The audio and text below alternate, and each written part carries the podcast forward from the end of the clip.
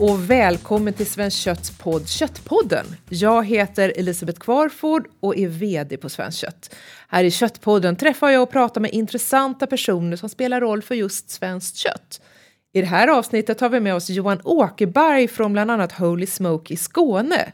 Kock och matentusiasm som beskrivits som en konstnär i köket och som bland annat fått pris för sin kokbok Rök. Allt om maten, smaken och metoden. Vill du bli inspirerad vid grillen i år så ska du hänga med nu. Hej och välkommen Johan! Hej! Du, kan man säga att du är en rökare? Vi går på Göteborgs humor direkt liksom. Eh, ja, det kan man väl säga. Det har blivit så faktiskt.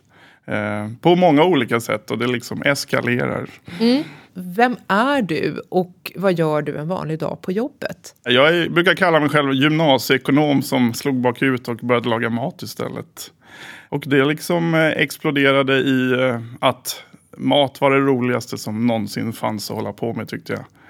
Eh, så jag jobbade ganska mycket eh, ad hoc på restauranger, hoppade in höger och vänster tills jag blev fast anställd.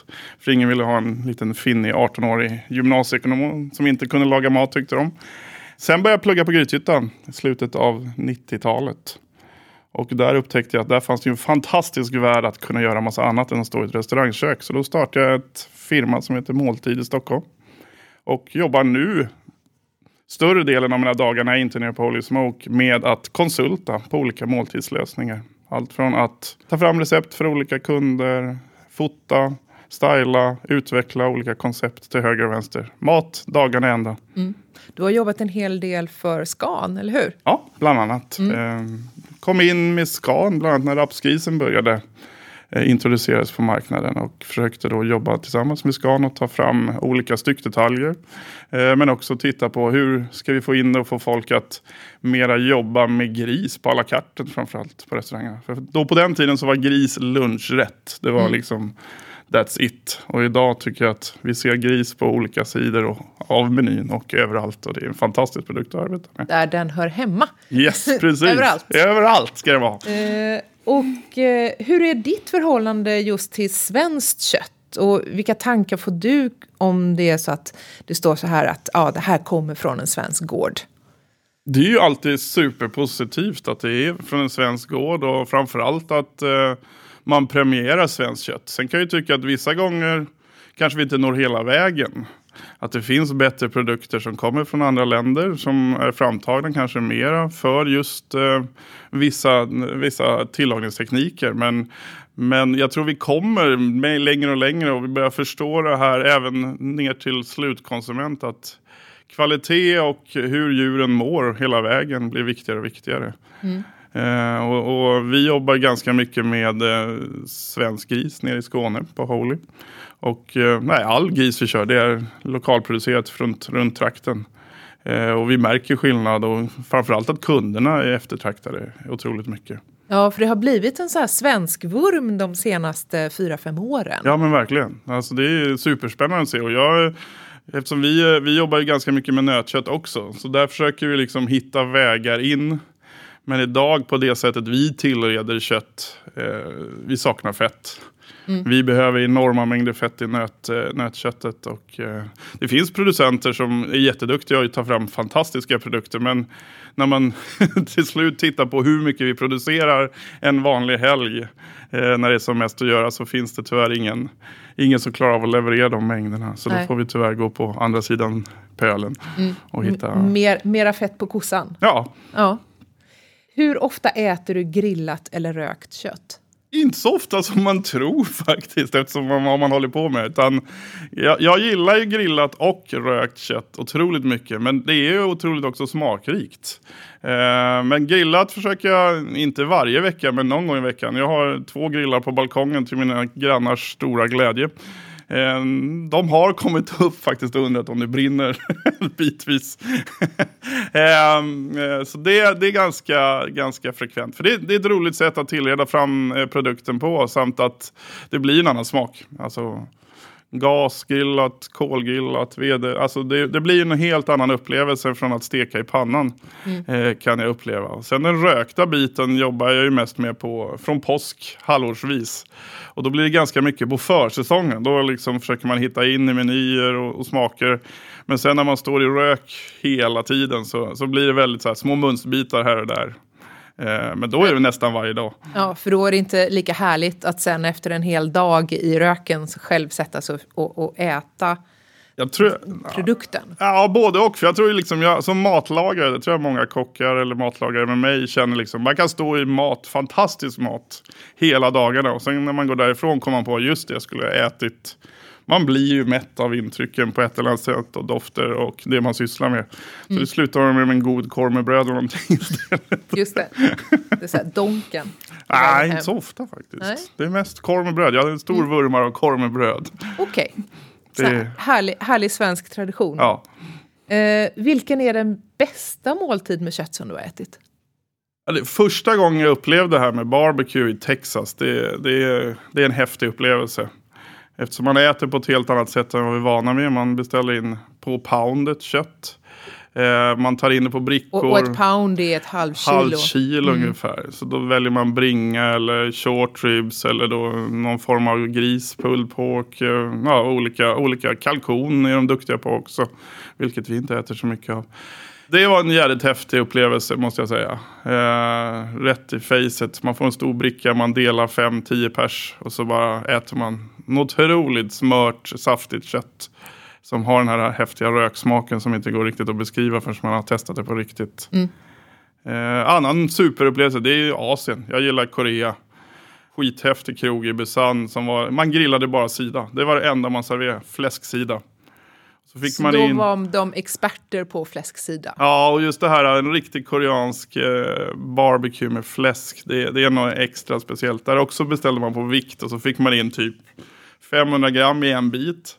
Så kom in en servitör som har förgrillat hela den här sidan. Och sen börjar han klippa upp portionsskivor framför en där man också har en grill vid bordet. Och sen sitter man och grillar dem till den, ja, den, den krispighet man har. Och sen stoppar man det i blad med olika pickles och såser. Ja, det var ju sjukt gott. Det var en riktigt häftig upplevelse. Det låter ju härligt, men om du skulle ha en kötträtt som du skulle få äta, så här, du får bara äta en kötträtt resten av livet, vilken skulle det vara? Det är nog något med fläsksida skulle jag tro. Den kan man göra så otroligt mycket med och använda på olika, olika sätt. Så ja, fläsk och gärna sidan med mycket fett i så man kan göra massa gott. Ibland när man tittar på här amerikanska just barbecue-program och, och så, och så är man så här, herregud, de lägger hela dagen. Man kan verkligen tala om slow cooking. Men det är ju det. När vi eh, kör våra bringor till exempel så har vi ju en sån här eh, offset smoker heter det. Det är ett stort, stort rör som är på 9000 gallon eller något sånt där. Nej, 4000 gallon tror jag den är på. Eh, byggd av eh, Aaron Franklin faktiskt. Och vi får in 24 bringor. När du säger Aaron Franklin faktiskt så säger inte det mig någonting. Nej. Aaron Franklin är han som anses vara den bästa på barbecue i världen. Eh, han håller hus i Austin i Texas och han gör magiska grejer med framförallt bringa, det är han känd med. Så man köar till hans ställe i flera timmar. Det har blivit liksom en grej att går man till Franklin så gör man sig beredd på att minst vara där i tre fyra timmar i kö. Så folk tar med sig öl, musik, så de partajar i kön i väntan på att få komma dit, köpa sin stora tallrik med kött. Eh, och sen äter man det gott och sen går man därifrån lite så här härligt. Och eh, han öppnar om det är 11 på förmiddagen och klockan ett är allt slut. Klockan ett efter lunch alltså. Mellan ett och två, då är, då är det totalt slut. Eh, och vi gör 24 bringer i en av hans rökar.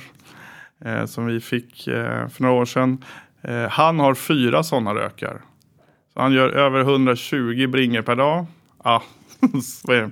Sex kilo stuk. Som går åt varenda dag på 3-4 timmar. Eh, så han kan sina, sin bringa. Måste man köa i tre, fyra timmar på Holy Smoke? Som alltså ligger utanför Höganäs? Höganäs eh, ligger i en, en litet eh, samhälle som heter Bräcke. Som ligger mellan Mölle och eh, Höganäs. Mitt ute på en åker. Och när vi har som mest öl, ja då får man kö. Då är det kanske en, en och en halv timmas kötid. på att få beställa. Och sen är det kanske en timme till innan man får maten. Är det mest turister eller är det också lokal? Väldigt mycket lokalt eh, på, på försäsong. Mm. Ehm, som alla semesterorter.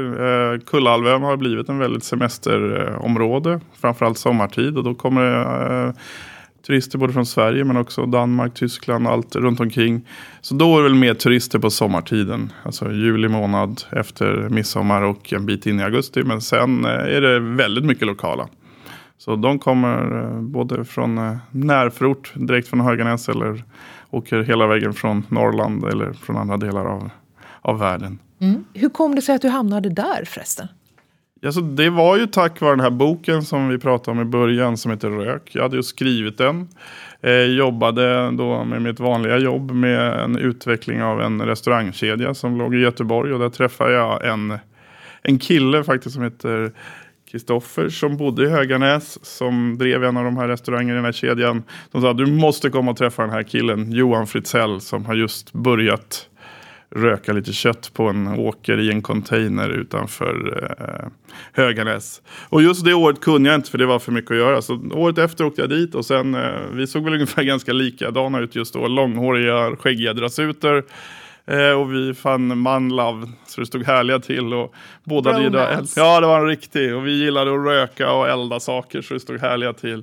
Eh, så jag började åka dit ganska ofta och liksom se vad han sysslar med och försökte hjälpa honom så gott som jag kunde. Eh, och sen eskalerade det och sen gick jag in som delägare här för, förra året. Och ja, det är bara exploderat. Det är helt fantastiskt hur, hur, hur mycket trevliga och fantastiska gäster som kommer dit. Eh, året, eller det här halvåret vi har öppet. Ni har väl också tagit fram särskilda produkter nu så att man kan köpa produkter från med Holy Smokes varumärke. Ja, vi har ju startade förra året ett samarbete med ICA Selection faktiskt. Eh, och ehm, där skulle vi testa bara, var en tanke att vi har ju korv på Holy Smoke som eh, vi tog fram som är en jalapeno cheddar, väldigt klassisk Texas-korv. Eh, Grovkornig och liksom, det ska det ska smaka gott gris och ska vara lättrökt och det ska vara lite hetta. Liksom. Eh, så den, den, den eh, högg de på. Vi fick ett samarbete med Ugglarps som hjälper oss att ta fram den. Och så slängde vi in två andra korvar. Men vad vi egentligen var ute efter det var ju att vi sökte ju en sån här St. Louis katt reben. Alltså en riktigt stadig eh, fläskrebens eh, eh, detalj som inte fanns faktiskt eh, på marknaden. Utan allting tyckte vi var för magert. Eh, det var för lite kött på med tanke på Man, att man skär för, bort för mycket på skär kambenet ja. vid, vid styckningen, Ja. eller hur? Ja. Och här när vi styckar ut den här så snor vi lite av sidan så vi förstör ju åt andra hållet. Mm. Men vad vi får det är ju ett reben som är ett mellanting med våra svenska tjocka reben eh, och eh, lite babyback fast de är lite längre. Eh, och de är betydligt tjockare och det är otroligt bra, bra, bra jobbat av Ugglarps att ha tagit fram det där. Och lite fetare grisar som, som, som gör att det blir en otroligt bra produkt. För vi tillreder ju ett revben på mellan fyra, fyra till sex timmar. Måste det gå innan vi får det som vi vill. På typ 120 grader i röken. Eh, så det här St. Louis kattribset som är väldigt Kansas. Det, det är liksom lite felsägande. Det är inte St. Louis utan vi- Kansas de är störst. Är det väldigt vanligt att man jobbar med dem. Så när vi var ute på en resa så upptäckte vi dem ordentligt och då tyckte vi att vi måste. Så då åkte vi till Ugglarps och bara Jonas nu måste vi få ett bra reben. Eh, så det resulterade att den också kom in på Ica. Samt en eh, styck detalj av fläsksida som var lite mindre grillbit. Mm. Så det här var väl startskottet för det och det var ju helt fantastiskt. Alltså korven sålde som aldrig förr. Det har gått jätte, jättebra. Så i år har vi lagt till en korv, vi behåller alla de andra tre sorterna och ytterligare massa roliga detaljer kommer studsa ut. Ah, vad spännande, det får vi hålla utkik efter. Jag kan ju också nämna då att den Jonas som du nämner, det är Jonas Tunestål som är vd för KLS Ugglarps och som också har varit med här i Köttpodden. Så att om det är någon som är nyfiken på honom så kan ni backa. Jag tror att han också pratar faktiskt om ert samarbete i, Ja i men det det var avsnittet. Lindan om där då. Om man tänker så här, så här, kött är ju både status och, och föraktat idag. Eh, är det någonting som, som du tänker på, hur mycket så här, kött engagerar? Ja, det gör vi. Vi, tänker, vi får ju dagligen när vi har öppet eh, frågor om var det kommer och hur mycket vi använder och var, varför och inte. Och vegetarianer gör sig ju jättevälkomna men vi, vi har ju begränsat utbud av vegetariska. Är det lite coleslaw? Ja, och lite pickles och lite... Vi har ju satsat på Förutom köttet så har vi försökt satsa på massa sides. Som dels är både varma och kalla men också inte kött i. Så just för den tanken. Men också att det ska tillföra någonting till köttet. Um, men, men det är ju en debatt som hela tiden går. Men vad vi ser det är ju liksom det är viktigt om vi nu ska servera kött. Det är att vi har bra kvalitet.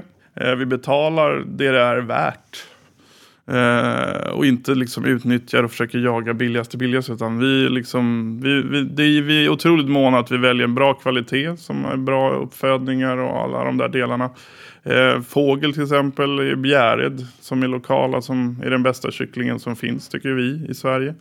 Så det är otroligt viktigt och det märker man ju skillnad. För vi har ju testat med, om man nu säger sämre produkter, detaljer och det, vi får inte alls, vi kommer inte ens i närheten av samma resultat. Så det är otroligt viktigt att, att måna om, om en bra detalj och en bra kött, köttval. Mm. Nu pratar om att ni gör eh, sides, så att säga, alltså tillbehör. Vilket mm. är ditt favorittillbehör? Har du något tips till lyssnarna? Alltså, om man kan röra ihop själv. eh, vad som är jättegott till grillat, det är ju syra. Så det gäller att hitta syra någonstans. Och, och något som är en favorit just nu eh, är en gurka som vi tog fram. Som bygger egentligen på en gammal husmorsrecept. Att kallblanda gurka, socker, salt och vinäger, alltså ättika. Och sen, ett, två, tre lag? Nej, fast vi gör inte ens ett, två, tre lag. Utan vi torrblandar socker och salt. Eh, med en skvätt eh, ättika. Och sen vätskar sig gurkan sig i sig. Så det här blir tillrätt i gurklag så att säga. Så det blir otroligt mycket gurksmak men också det här lite sötsyrliga starkt. Så det är liksom väldigt lätt att göra också. V vad ska det vara? Är det lika mycket salt och socker eller är det en... Nej, det är, en, vad ska jag säga, det är tre delar socker, en del salt, en del ättika. Okej. Okay. Och sen mm. brukar vi hotta till det med lite ingefära och jalapenos för vi tycker det är gott. Mm. Eh, annars är en jätte, alltså kål är jättepoppis. Men en bra coleslaw, det är otroligt smaskigt. Eh, men eh, håller det ganska enkelt för man får inte glömma det här rökta köttet smakar otroligt mycket. Så du vill egentligen bara ha ett avbräck. Så vi har ju liksom undvikit allt som är för sött. För det, det bara skärs, eller det skärs inte utan det blir bara mäktigt, mäktigt, mäktigt. Och det, och det är det man märker när man är till exempel i, i South Carolina. Där det är väldigt poppis att göra helgris. Whole Hog Barbecue. Där slänger de på stora bästar. Det, det går åt mängder av, mängder av gris där. Men där är, liksom, där är vinäger och chili. Det är det man har egentligen. Och det bryter ju upp jättebra. Och det är mm. liksom otroligt viktigt. Och vi i Sverige vi gillar ju det här söta. Vi är ju väldigt mycket sött. Och det, och det, det köper jag. Det är ju jättegott. Men ska man äta det med mycket rökt grillad mat så tycker jag nog att det här eh, med syrliga fungerar bättre. Och då kan man äta mer också. Mm. Ja men vad härligt, det kanske blir lite mäktigt för att det blir ju en sötma i ett rökt kött blir Givetvis. ju också lite sött. Ja, så du har ju naturlig sötma i, i köttet som mm. gör att det, det, det, det, det tillförs av den delen. Och då behövs ättikan eller vinägen eller någonting. Mm. Men du har också skrivit en bok om att göra korv. Ja. Va, vad heter den? Den heter så innovativt Gör korv.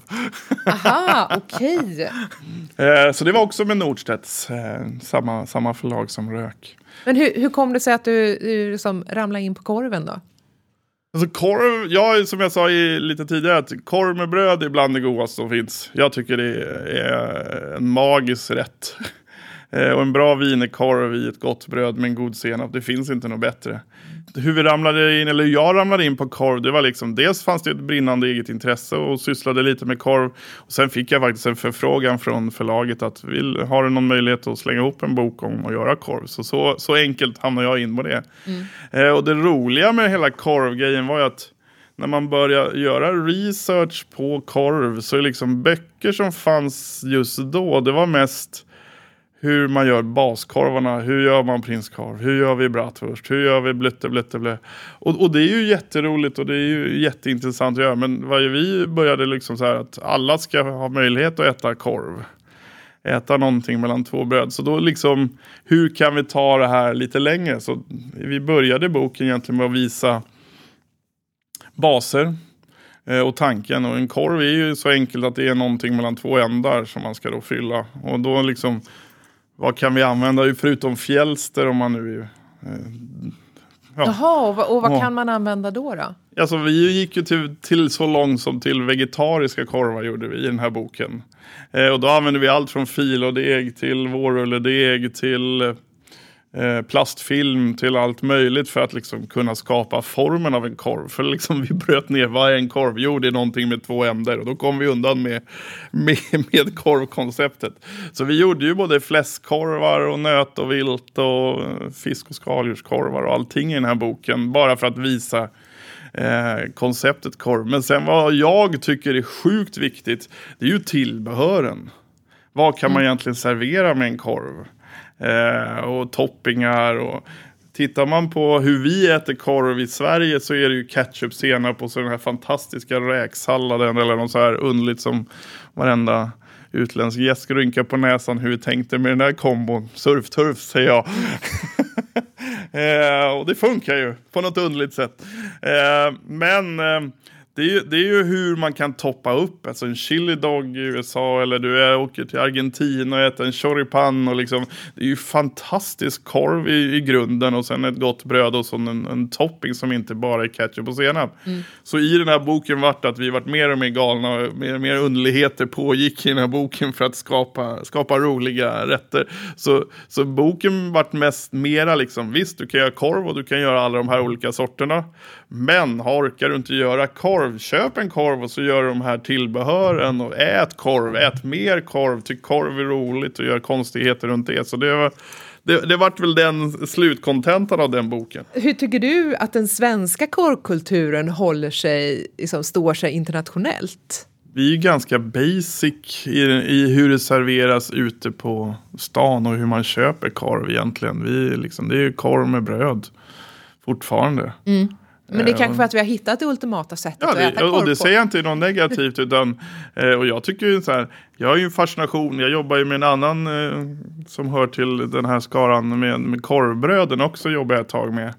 Och just den här hur man, när man handlar en korv med bröd. När det här grova korvbrödet dök upp. Vilket är jättebra för vissa. Jag är ju en stor fan av bara en wienerkorv och, och ljust bröd. Men att det grova korvbrödet beställde folk mer om det stod någon bakom. För det vart en samvetsfråga det här brödvalet. Jaha, så att om det stod någon som kunde kika skulle och man lyssna visa på att man var lite nyttigare så... och duktig. Aha. Men hade jag varit utan kö så tog jag vanliga brödet för det är ju godast. Det var ju faktiskt väldigt intressant. Så det där, det där tycker jag liksom, man får ju alltid fråga nu, vill du ha mörkt eller ljust? Och liksom, står det någon bakom den människan så är det oftast mörkt. Just det, men det var egentligen inte riktigt det, det man var man inte efter. ville ha, för man ville ha den där snabba goda korven med mm. bröd. Som man nästan inte behöver tugga. Nej, utan det ska ju bara glider, gå rätt till. glider ner. Ja, men jag, kom, jag var i Danmark i, i lördags. Och liksom, det går ju inte, och inte, alltså de kan ju också korv. Och liksom, man, man måste ha en korv med, på bricka med, och doppa i ketchup Det hör liksom till och det är ju jättegott. Mm. Folk måste bara lära sig att smaka upp buljongen eller vattnet bättre. Mm. Eh, eller använda det som är i burken.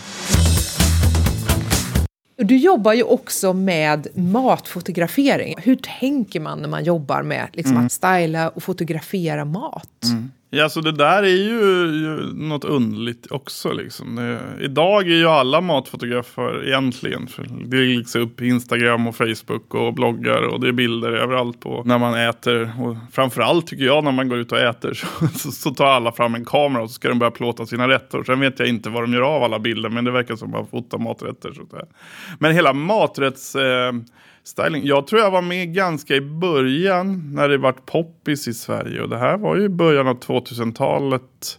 Och jag jobbade då med en, en, en reklambyrå. Jag var nyexaminerad från Grythyttan. Eh, hade startat en egen firma och tänkte jag skulle jobba lite med matutvecklingsbiten. Och så träffade jag den här reklambyrån som hade just börjat jobba med BOV. Mm -hmm. oh, BOV. BOV och OBS fanns det. Ja, och OBS fanns då innan det var Coop Forum och allting. Och då hade man bestämt sig för att satsa på att man skulle ha eh, sådana här matinspiratörer i butik på BOV. Och till det så behövdes då receptark. Eh, och det var i samma veva som jag tror Melker Andersson släppte sin F12-kokbok när han byggde allting på höjden. Det var så här, tinnar och torn med alla rätter. Det gick inte att göra egentligen men det var jättekul. Det gick inte att äta heller. Nej, det gick förmodligen inte att äta alls. Liksom. Men då, då, då fick ju vi som kockar härja hej vilt i att lägga coola upplägg. Och så var fotograferna också rätt så nya med det här. Det som fanns det var ju liksom rätt uppifrån bilder. Det var inte något speciellt ljus och ingen speciell ljussättning heller på maten. Utan det var bara rätt upp och ner så skulle det vara en bild. Eh, och i och med det här så började det liksom eskalera att det började dyka upp fotografer som var jätte vart mer och mer intresserade och kunde liksom fylla sina dagar bara och fota mat. Eh, och där hamnade jag in i den samma veva att de behövde någon som kunde styla mat. Och skriva recept som var funktionella till konsument. Och det är ju bland det svåraste man kan göra. Att ta någonting man tycker är skitsimpelt och sen få ner det på pappret och göra det ännu enklare så att vem som helst klarar av att göra det här slutresultatet. Eh, men matfotografering själv och styling på maträtter vart ju att vi tog ju in massa olika människor som skulle göra detta. Och, och, du kan vara jätteduktig att lägga någonting på en tallrik. Och det ser jättevackert ut men ur kamerasynvinkel funkar det inte alls. Mm -hmm. Vad är det som kan hända? Nej, alltså man, man ska ju mera bygga en rätt mot kameran. Eh, jag började jobba med en fotograf som heter Janne Bengtsson som var en av de stora matfotograferna på den tiden. Och, en, eh, och då jobbade man inte digitalt utan då hade man ju polaroider också. Så det var ju fantastiskt. Man tog ju typ inga matbilder per dag. Idag skjuter man ju iväg hur många bilder som helst per dag. Men då var det ju liksom, man hängde på hur mycket polaroidtid man hade. Och det var inga efterfix i, eh, i Photoshop eller någonting. Utan man skulle ju sätta allting framför en kamera och liksom det var väntetid, väntetid, väntetid. Så tanken var att, ja, att man skulle börja bygga den här rätten på ett porslin i rätt vinkel mot kameran så att det ser attraktivt samt eh, vart ju mer och mer intressant. Vad vi var duktiga på det var ju att lyfta produkten som skulle finansiera hela grejen som man ville pusha för. för och det var så här mer och mer grejer man vävde in. I början var det liksom, gör en maträtt och så ser det snyggt ut. Men sen var det ju mera sälj, tänk, anpassas efter det där. Och sen har det blivit mer och mer att ja, formgivare som styr vinklar och höger och vänster. Och um, allting har ju blivit mer och mer avancerat mm. i denna fråga också. Men från att vara ingenting och en liten skojgrej och göra en matbild så har det ju liksom eskalerat. Ja, för du, du hjälpte ju oss eh, för ett tag sedan att uppdatera en del av våra liksom, ja. så populäraste recept och, och, och så. Och eh, då var jag ju förbi någon gång i måltidsstudio. Och då var det ju också så här mycket mat över mm. och vi skulle käka lunch här mm. för mig. Och så sa du så här, ja fast alltså den där, den där brunsåsen, den, den är ju inte min, utan den har jag ju tagit från Jensens böffhus för att den klistrar sig så bra på, på bild. På bild. För att den glänste så fint och gled inte ner. Ja. Eftersom man behöver ha lite tid på sig, för maten är ju oftast kall när man fotar den. Ja, det, det, blir ju lite så. att mm. uh, man, man ska ju hitta in och man ska ju liksom... Eftersom vinklar ska vara och det ska vara rätt porslin och det ska vara massa grejer runt omkring så blir det ju inte alltid att uh, rätten är helt nygjord heller. Uh, så det måste man också tänka på. Så det, det, det är också tillagningstekniker när man gör vissa av de här matbilderna så, så blir det att man får lite, ta små genvägar eller fuska lite på höger och vänster för att få så aptitligt som möjligt också. Mm. Men det roliga är ju liksom att när jag började så skulle det se så sjukt avancerat och det var liksom mera restaurangstandard och, och vad som har gått nu med matfotografering det är att det blivit mer och mer verklighetsbaserat. Det ska se ut nästan som du gör hemma vid. Mm. Men det ska ändå lyftas fram och det ska poppas och man ska ha en sås som ser, ser god och smaskig ut. Eh, ja, och att det ska vara fint runt omkring också. Mm, att det ska vara eh, liksom så här, vi hade någonting som låg på något skrynkligt brunt smörpapper papper tror jag. Mm. Och, och, och, sådär för att det skulle... Ja, en då, känsla. Det, ja, precis. Ja. Och det ska stå någonting som är liksom, ja. inte i fokus då, utan, men ändå olika, olika saker. Att det ska hända saker. Ja, och där har vi ju blivit, det, det, men det, det blir ju en helhetstänk. Att det ska bli, det ska bli inbjudande. Det ska ju nästan kännas som att du sätter dig där och ska kunna börja äta upp och ner. Sen finns det ju fantastiska andra matstylingar man gjort som är helt grafiska som inte har någonting med matätande att göra. Men det blir otroligt vackra och häftiga häftiga bilder. Så det, matstyling har ju blivit dels lagade rätter men sen ska du ju nästan vara konstnärlig. Du ska ju ha ett öga för det. Du ska liksom du ska, ja, det är, det är mer, ja, ja, ja, och, och kombinationer mm. och det ska hänga ihop och det får inte vara ojämnt och sticka ut för mycket utan det har ju blivit mer en konstnärlig form också. De som är jätteduktiga på det där att, att göra en grafisk snygg bild med mat. Bara bygga ett sånt där stilleben med massa frukt. Det tar sin lilla tid liksom. Mm. Eh, jag jobbar ju med en av de här hamburgerföretagen också.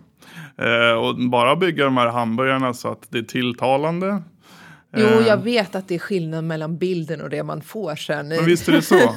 Men det viktigaste är ju att det är äkta från kunden. Att, och vi använder allting som är rätt bröd, rätt kött, eh, precis det som vi serveras. Även vikter på hur mycket sallad som man har på. Så, man, så att inte någon kund i slutändan blir missnöjd att det här får du inte. Sen visst, man trycker ju råvarorna lite mera mot kameran. det, det, går ju inte att komma undan för att få den lite fluffigare. Men det är också, ser man nu tycker jag med matstyling, man, man vågar vara kladdigare. Mm. Man vågar söla lite mer. Jag bara sitter och väntar på, jag har en vän som ville bara köra uppätna tallrikar. Jaha, det här har varit? Ja, eller? ja men lite så. Eller mm. man är halvvägs in i en måltid, börjar komma. Så att man har börjat äta grejer och skapar den där känslan som jag pratade om tidigare. Att man ska, förr var det mer att sätta sig vid bordet och börja äta. Nu är det nästan att du är i måltiden och så blir du lockad att fan, det där ser gott ut, det där ser mumsigt ut, det där vill jag prova jag använder ganska frekvent eh, olika filmer för att lära mig rätter själv. Mm -hmm. Så just nu jobbar har, jag har ganska... du någon favorit eh, youtuber? Nej, jag har ingen så specifik youtuber-människa utan det är mer att just nu har jag nördat ner mig i filippinsk mat. Mm -hmm. För jag var i LA och så käkade jag en fantastisk eh, typ risrätt och bara, hur har de gjort det här? Så då var jag tvungen att nörda ner mig i det och det är så jag funkar. Men då behöver jag inte ens, eftersom jag kan mat hyfsat så behöver jag inte kunna språket. Utan för mig räcker det att se hur man gör. Och det finns ju så fantastiskt mycket husmödrar från olika länder som har lagt upp hur man gör de här rätterna. Bara man kan namnet på rätten så börjar jag titta på de där filmerna. Och sen bara tar tillbaka och efterapa. Så just nu håller jag på och jagar konstiga vinägrar från sockerrör från, från Filippinen. Ah, spännande. Så, att om det är någon här som har försänkningar vad gäller just eh, det, alltså råvaror från Filippinerna ah, så, ja, ja. Så, så, kan ni höra av er till, till, till eh, Johan så ja. kan ni få någon deal. Om du skulle ge eh, tre konkreta tips själv till någon som vill ha fina bilder på Instagram så att man får väldigt mycket likes. Mm. Vad har du för tips då? Eh, nummer ett skulle jag nog, ja, välj en rätt som inte är för kladdig, alltså, som, är, som är ganska tydlig. Eh, gör inte på allting. Eh, hitta en vinkel du gillar att jobba utifrån. Att, eh, och försök hålla den kontinuerligt. För liksom, är man upp och ner, fram och tillbaka så eh, kan, kan det bli lite råddigt. Eh, vad mer ska man tänka på? Jag brukar gilla, gilla rent vitt porslin. Då ser man maten bättre. Eh, och nära. Mm. Jag tycker man har varit alldeles för mycket uppifrån. Och det har varit väldigt för grafiskt. grafiskt. Jag vill hellre numera tillbaka rätt in i maten. Och få det goffigt igen. Okej. Okay. Mm. Jag kan säga den, den fulaste bilden jag har tagit det var på en Årets kock-bankett där vi hade fått oxkind med brun sås och potatis. Eh, och eh, det här var ju då svensk oxkind och jag ville lägga upp någonting på Svenskt Kötts hemsida. Så att där i matsalen med det fantastiska ljus som vi hade så tog jag en bild och la upp. och det, alltså, jo, jag fick väl några likes men jag fick också en hel del kommentarer om att det där såg inte smaskigt ut. Brun mat. Ja, det var verkligen så här, den bruna maten. Ja, nej, det mm. brukar inte bli så bra. Färger är bra. Mm. Jo, men nu, vi måste ju också prata om grillsäsongen 2018. Yes. Vad är på gång? Alltså vilka detaljer tror du på för grillsäsongen 2018 just för gemene man? De klassiker kommer alltid finnas kvar, men eh, fläsksida hoppas jag innerligt. Alltså rå fläsksida. Bara grilla, skiva en eh, centimeter och grilla den rätt upp och ner. Salt alltså, och peppar. Rå, inte den, Marinera salt, ingenting. ingenting. Rätt Aha. upp och ner bara med salt och peppar. Fantastiskt gott. Alltså jag försöker få folk att äta den rätt upp och ner. Eh, nötdelen, picanha, verkar vara något som, som kommer mer och mer. Så den sitter ju i bakregionen kan man säga på, på nötkreaturet. Eh, och har en rejäl fettkappa på sig. Och det, det, tror jag inte man ska vara rädd för. Utan det är det som tillför den goda smaken också. Mm. Man kan eh, alltid skära bort fett. Ja, samt att det är otroligt gott att grilla på den sidan hårt så att man får enormt mycket smak och då liksom smälter ju mycket fettet bort. Och sen som du säger, man kan alltid skära bort den rackaren i efterhand. Mm. Men är det inte så att det börjar brinna då? I grillen? Jo, det kan det göra, men är det, det är en god smak. Då? På med locket. Eller lägga den lite på sidan, inte riktigt rätt på glöden. Så de två detaljerna gillar jag. Sen, sen har jag ingen aning. Kalkon pratar man om, men jag tror inte det. Det är för magert fortfarande för att köra på grillen. Goda korvar kommer alltid vara en vinnare. Mm. Ja, men då vet vi det. Och visst är det också så att grillsäsongen, det, alltså den håller på att verkligen sträcka ut sig till 365 dagar. Ja, och det tycker jag. Har man, har man möjlighet och plats för en grill så ska man fasen använda den året runt. Det går lika smidigt. Och skaffar man de här keramiska grillarna som är ropet just nu så funkar de ju verkligen lika bra året om. Eh, det är inte så vi har 40 minus längre utan det är väldigt norröver och då funkar de ändå. Mm. Eh, så eh, sätt igång, grilla året om. Det var allt för idag. Idag har vi fått lära oss att grillning kan vara en del av ett identitetsbygge. Att rök är en fantastisk krydda. Att Johan älskar korv med bröd. Och Eh, nu tror jag att jag har lärt mig lite om hur jag ska ta bättre matbilder och så får jag väl ta och dra fram grillen eftersom det är grillning året om som gäller nu för tiden. Synpunkter och tips tar vi gärna emot på till exempelvis eh, Twitter där vi heter Svenskt Kott eller på vår Facebook-sida där vi heter Svenskt Kött. Tyckte du om Köttpodden så sätt gärna ett betyg eller skriv en recension på iTunes eller där du hittade podden. Vi hörs snart igen.